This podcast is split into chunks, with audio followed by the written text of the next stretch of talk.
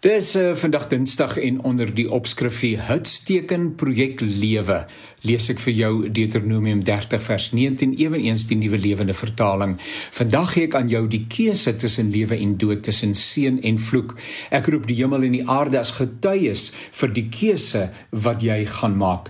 Mag jy tog die lewe kies sodat jy en jou nageslag mag lewe. Alles word mos deesdae ge, gehitsteek en gehashtag. Noem 'n saak en dit is so gemerk. Ek vind 'n interessante en verhelderende definisie op die internet. Die gebruik van hitstekens is in wese 'n manier om gesprekke of inhoud rondom 'n sekere onderwerp saam te groepeer wat dit maklik maak vir mense om inhoud te vind wat hulle interesseer. Christene is mense wat besig is met hitsteken projek lewe. Die Bybel sê nêrens dat ons moet verlang na die hemel nie, nie waarvan ek weet nie.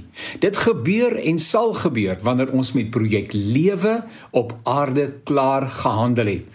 Wanneer ons daarmee klaar is, is nie vir ons om te besluit nie. Daai datums is in die hemel opgeskrywe, maar die hoofsaak is dat wanneer ons soggens wakker word, ons vir onsself sal sê, "Wel, oënskynlik is ek nog nie klaar nie. Projek lewe, hier kom ons." En niemand het gesê dit gaan 'n gelykpad wees nie. Die predikers wat 'n teologie van onvoorwaardelike oorvloed en voorspoed 'n oorvloed en voorspoed predik, het dit mis. Lees die Nuwe Testament. Kyk wat mense soos Paulus te beurt geval het. Dit was nie maklik nie en dit het nog nooit verander nie. Ons word geroep om met Jesus wat buitekant die laar gekruisig is te identifiseer, sê die Bybel. Ons is navolgers van die kruis. Ons verkondig 'n kruis evangelie.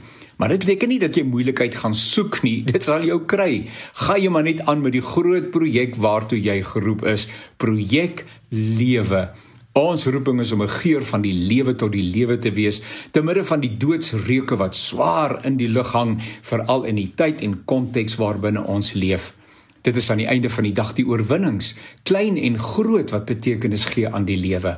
Gelykpad raak uiteindelik vervelig. Niemand wil aanhoudend daar ry nie. 'n Huweltjie hier en daar, 'n rots langs die pad, selfs in die pad, ja ook slaggate, potholes gee vir ons iets om oor te praat, te dink en iets om oor te getuig. Projek lewe. Hitsmerk projek lewe. Viva